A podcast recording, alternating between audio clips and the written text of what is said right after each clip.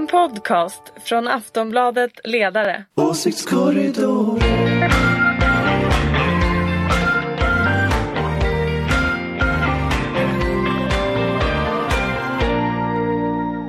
Hej och välkomna till Åsiktskorridoren. Vi har passerat midsommar och är väl därför officiellt inne i den svenska högsommaren.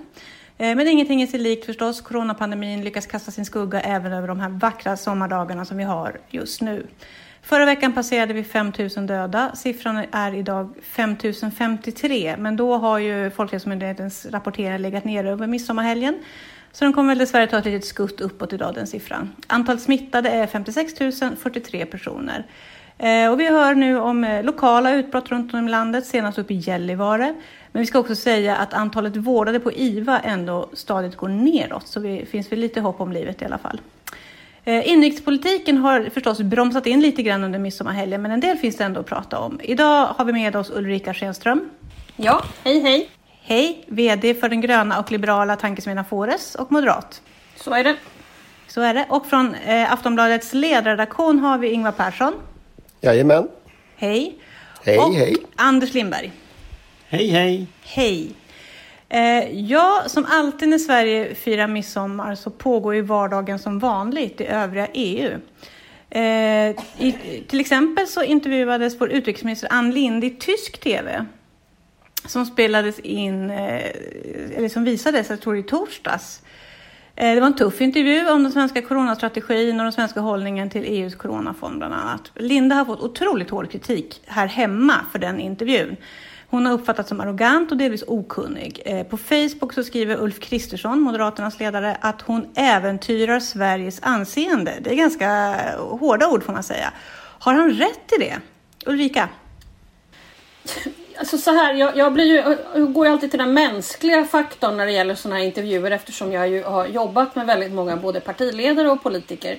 Så att jag, jag försöker alltid på något sätt... Ja, det, det var ju inte någon bra intervju, det kan man ju inte säga. Eh, Vad var men sen- problemet? men jag skulle nog säga så här. Hon såg ut som det var extremt varmt i rummet. Hon hade, hon hade blossande röd eh, hals, vilket man får ifall man är lite stressad och nervös. Eh, och gick på defensiven istället för att eh, ehm, eh, kanske svara på frågorna ordentligt. Så jag, jag tycker att det där jag brukar tycka att Ann Linde är ibland riktigt bra, men den där intervjun blev lite konstig. Men det kan ju ha varit ja, något särskilt som inträffade kring det där, att det var varmt, att hon blev irriterad och eh, att hon inte då eh, lugnade ner sig utan, utan gick på, gick på defensiven Tappade alldeles för huvudet lite tyckte du? eller? Ja, ja. ja. Okej, eh, Ingvar, vad säger du? Ja, men visst måste man väl fråga sig lite grann hur förberedelserna har gått till. Alltså det är ju, det är ju inte en... Det är inte en ungdomsförbundspolitiker vi pratar om utan, utan direkt. landets utrikesminister med en hel, en hel utrikesförvaltning eh, i ryggen. Så, så att nog tyckte jag att det såg liksom... Det var tuffa frågor men det var ju inga överraskande frågor. Eh, och, och det är klart att en skicklig politiker går ju inte med på att, att göra en intervju till någon slags gatuslagsmål. Tyckte du att det blev det? Ja, alltså jag är inte handgripen förstås. Nej, var- nej, de satt nog i varsitt land tror jag. Ja, till exempel. Så att det var, ju- och det var ju bra då. Men, eh, nej, men nog, visst blev det väl liksom någon slags försök att göra upp ändå. Rätt Men, oskickligt. men tror du, ligger någonting i Kristerssons kritik att skada Sverige anseende det där? Nej, det är klart att han... Alltså, det är väl aldrig bra.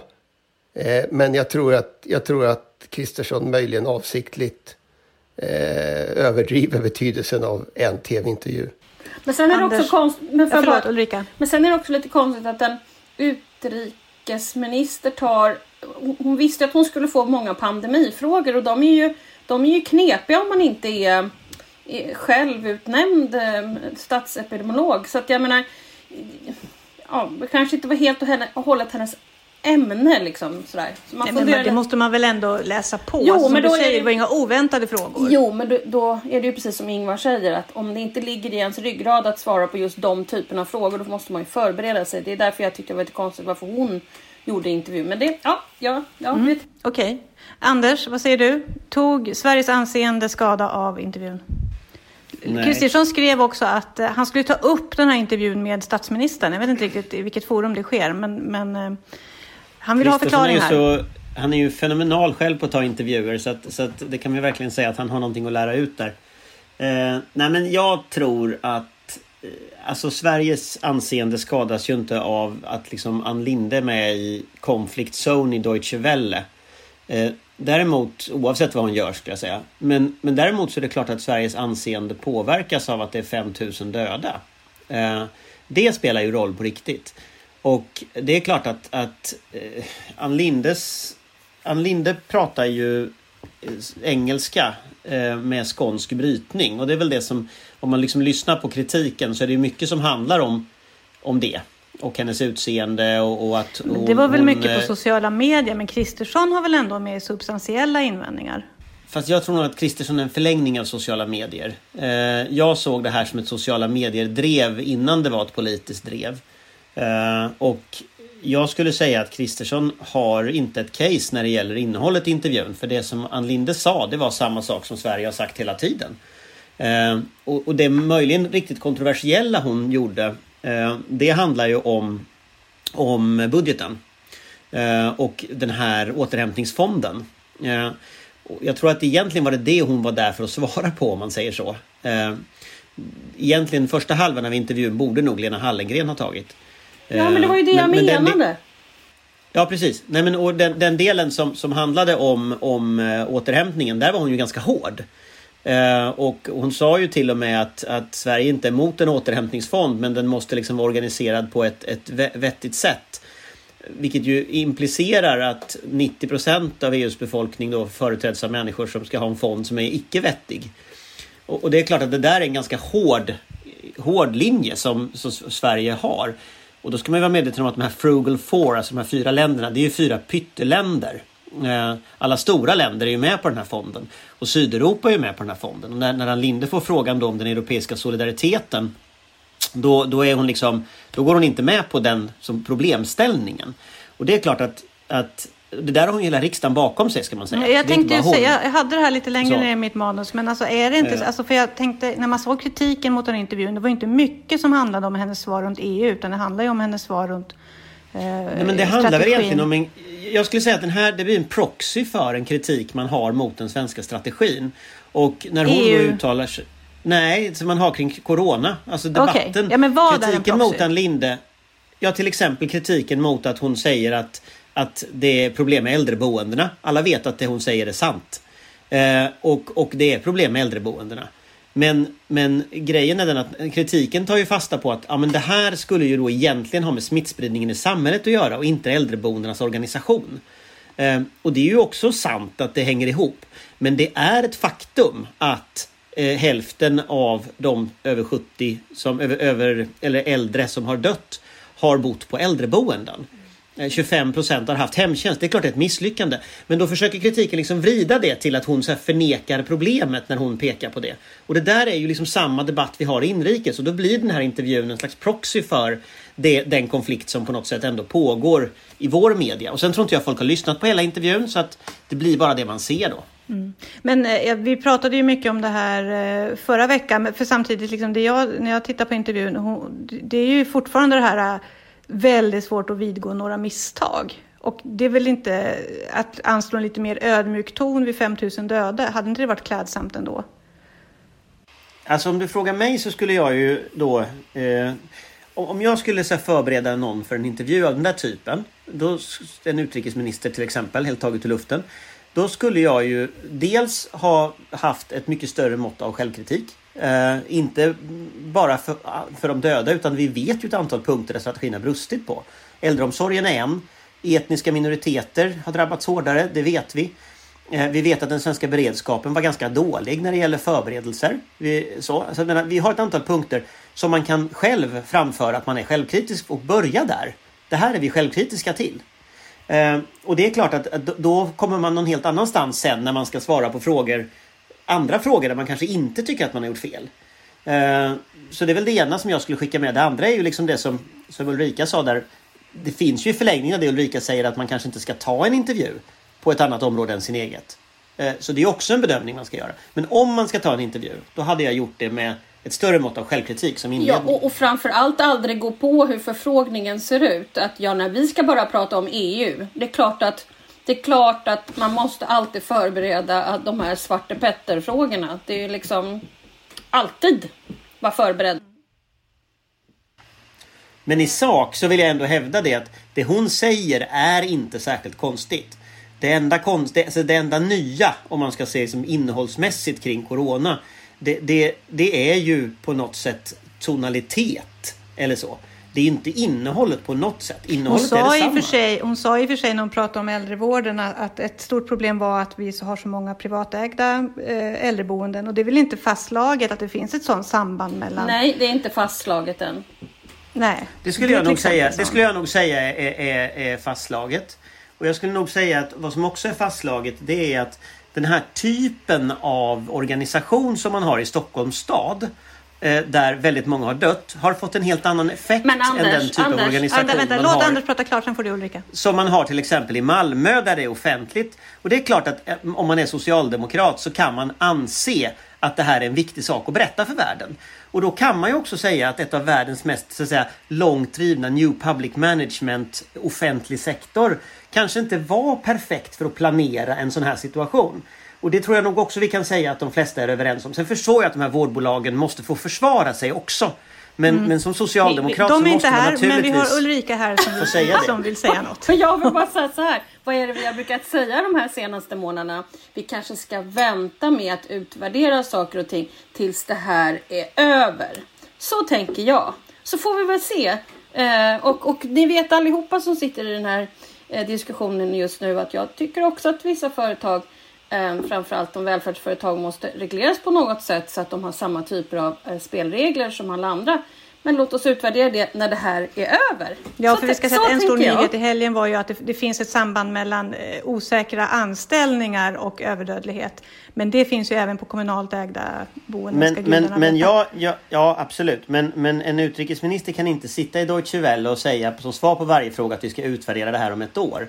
Det funkar inte. Så då får man säga det man vet. Och en sak vi vet, det är att när man har så att säga avreglerat, privatiserat och gjort äldreomsorgen till vad den är idag, nämligen en enda röra eh, med osäkra anställningar, med, med människor som går sjuka till jobbet därför att de inte har någon sjuklön, eh, med ingen skyddsutrustning, med dålig utbildning och så vidare. Det är klart att det påverkar smittspridningen. Kan man inte säga det eh, därför att, säga, något vårdbolag som inte är här och kan, inte kan försvara sig blir arga. Jag menar, då kan man inte ta en intervju som läget ser ut i dagsläget. För, för det här är klart att det här har bidragit. Till en politiserad intervju. Ja, bra. Ja, överens. eh, det var en annan Men- sak. Ja. Ja. kan, man, kan man inte bara få påpeka också att det vore ju egentligen rätt så intressant om vi i Sverige kunde ha en debatt om det som intervjun antagligen var tänkt att handla om. Alltså solidaritet i Europa och, och sådana saker.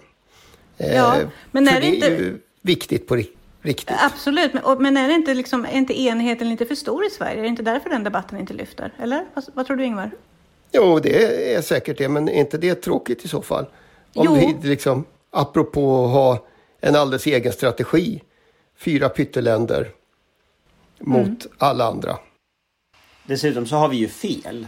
Det är ju extremt irriterande. Alltså, om, man ska kunna, om Sverige ska kunna exportera, vad är det, 70 procent av vår export går till EU. Det är klart att det ligger i vårt intresse att EU klarar det här bra. Så att vår linje är ju jättekonstig. Men nu är det den linje vi har tydligen, även om alla här Ja men den är jättekonstig och det är klart ingen vill prata om den för att den är, så då måste riksdagen berätta hur man finansierar det. Men det är fortfarande jättekonstigt. Ja, okej. Jag ska bara återgå eh, ett par gånger här till det Kristersson skrev. Han skrev om Lindes intervju på Facebook ska jag säga. Så skrev han bland annat en fråga så här, hur ska regeringen få andra länder att lita på oss igen? Eh, Överdriver han eller tror han att det finns en risk för ett bestående misstro mot Sverige ute i, ja framförallt eh, Europa får man väl säga, det är länderna vi har närmast.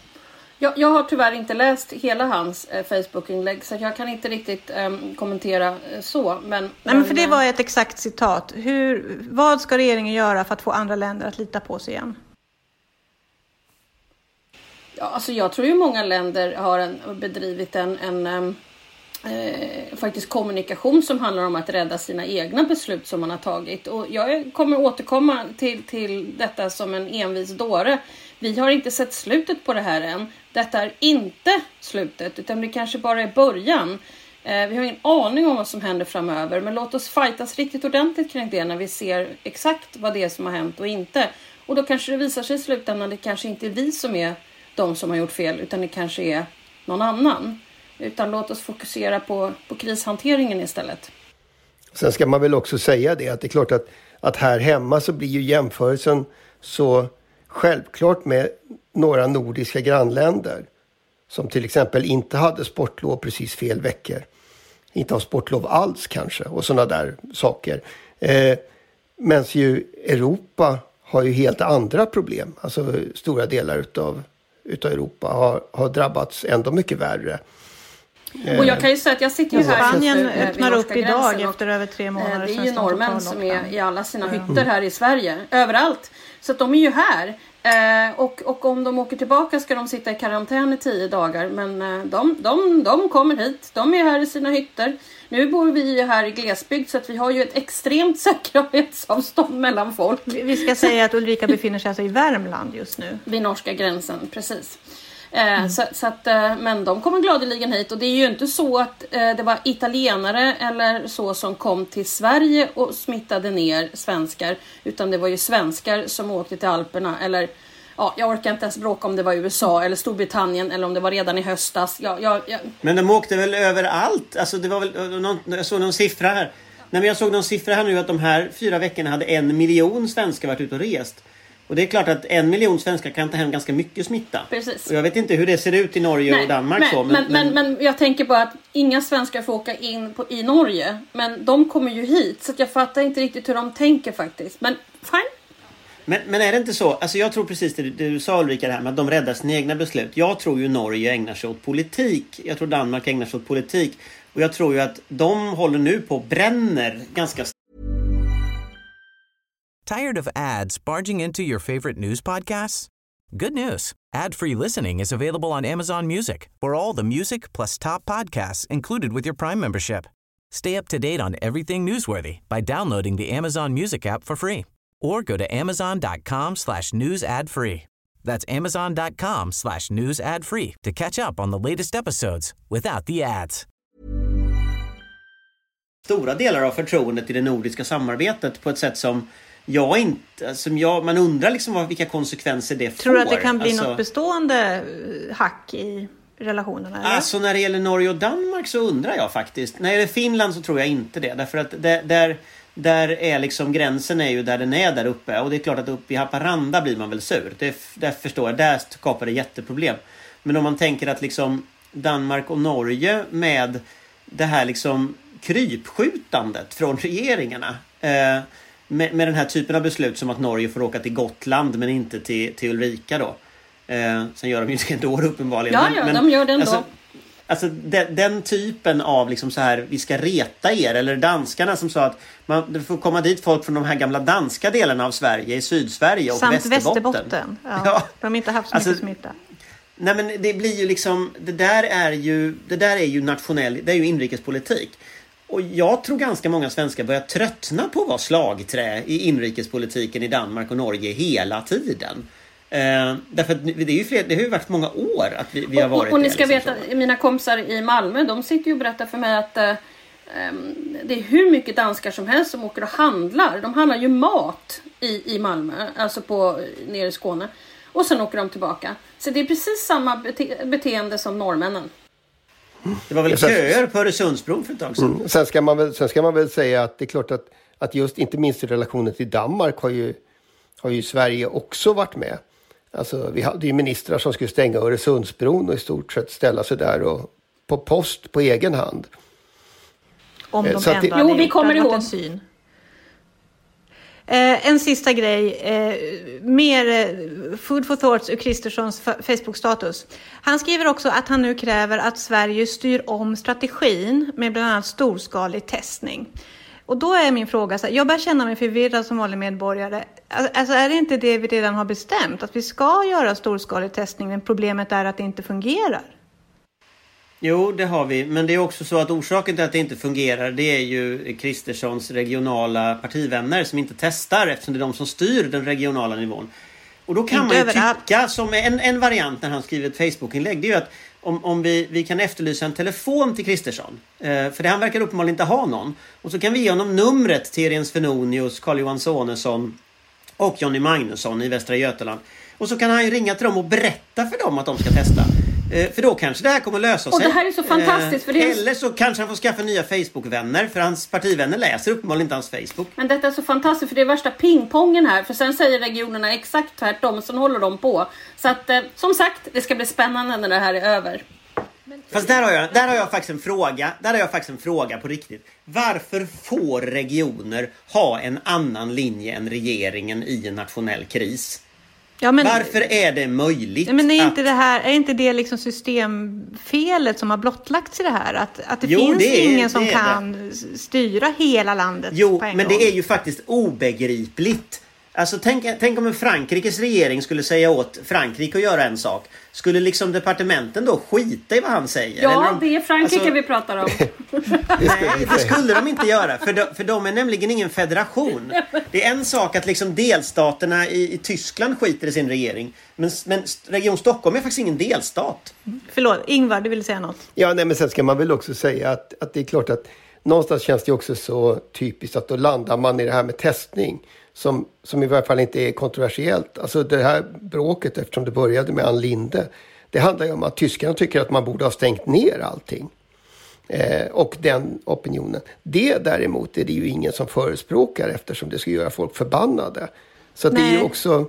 Det är Och det är det liksom, jag känner förvirrar mig lite grann när Kristersson skriver att han vill ha en styr om strategin mot, stor, mot bland annat storskalig testning. För då tänker jag så här, är det inte det vi har försökt göra nu i ett par månader? Fast det, vi kan inte, systemet förmår inte. Är det inte det som är problemet? Ja, eller det gör inte det i alla Det är fall. ett av problemen. Det blir i alla fall ingen testning.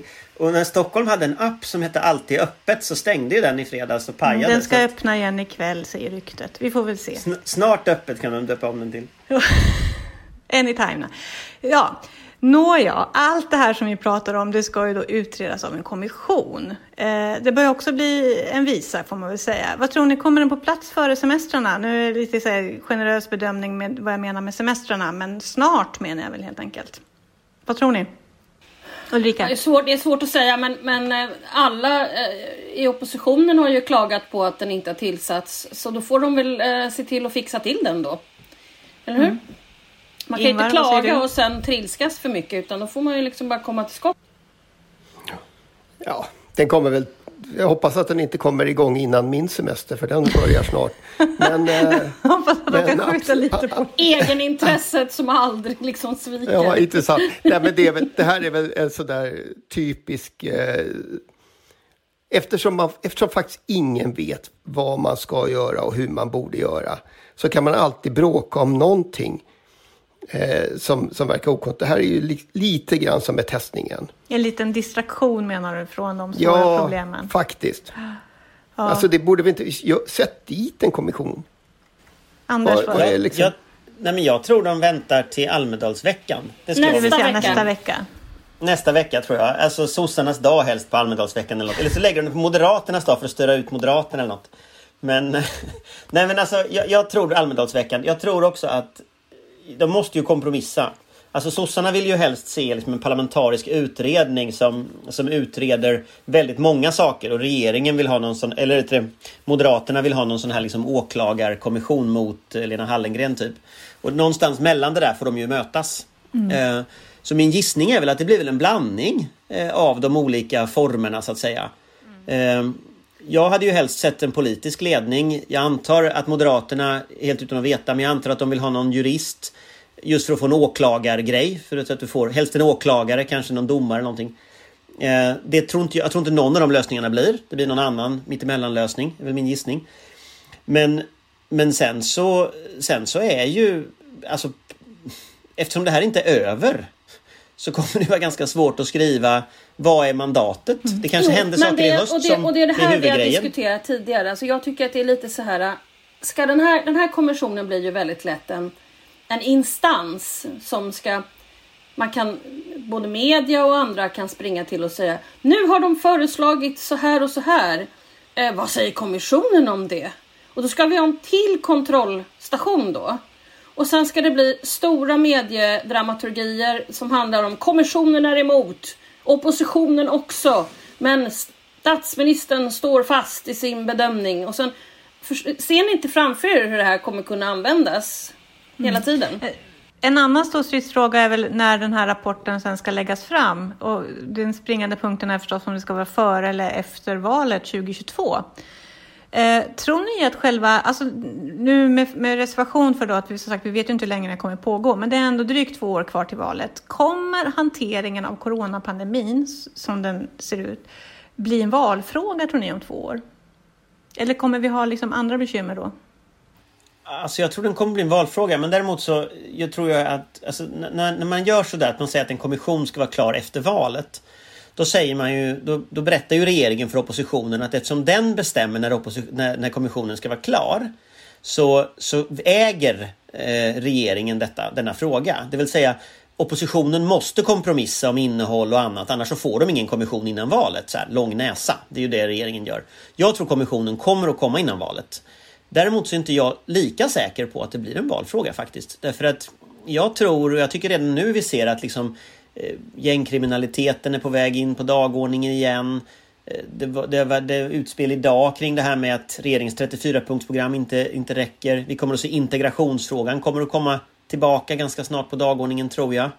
Eh, det kommer att hända andra saker eh, som vi idag inte vet kopplat till ekonomin. Som jag tror kan ta över nu ser det ju ut som att det finns en viss återhämtning men jag menar det vet vi ju inget om. Eh, så så att jag menar det finns många andra frågor mm. som berör människors vardag.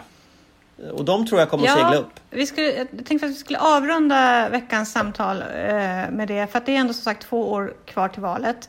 Man behöver inte titta fullt så långt fram utan man kan bara titta fram till på andra sidan sommar när det är höst.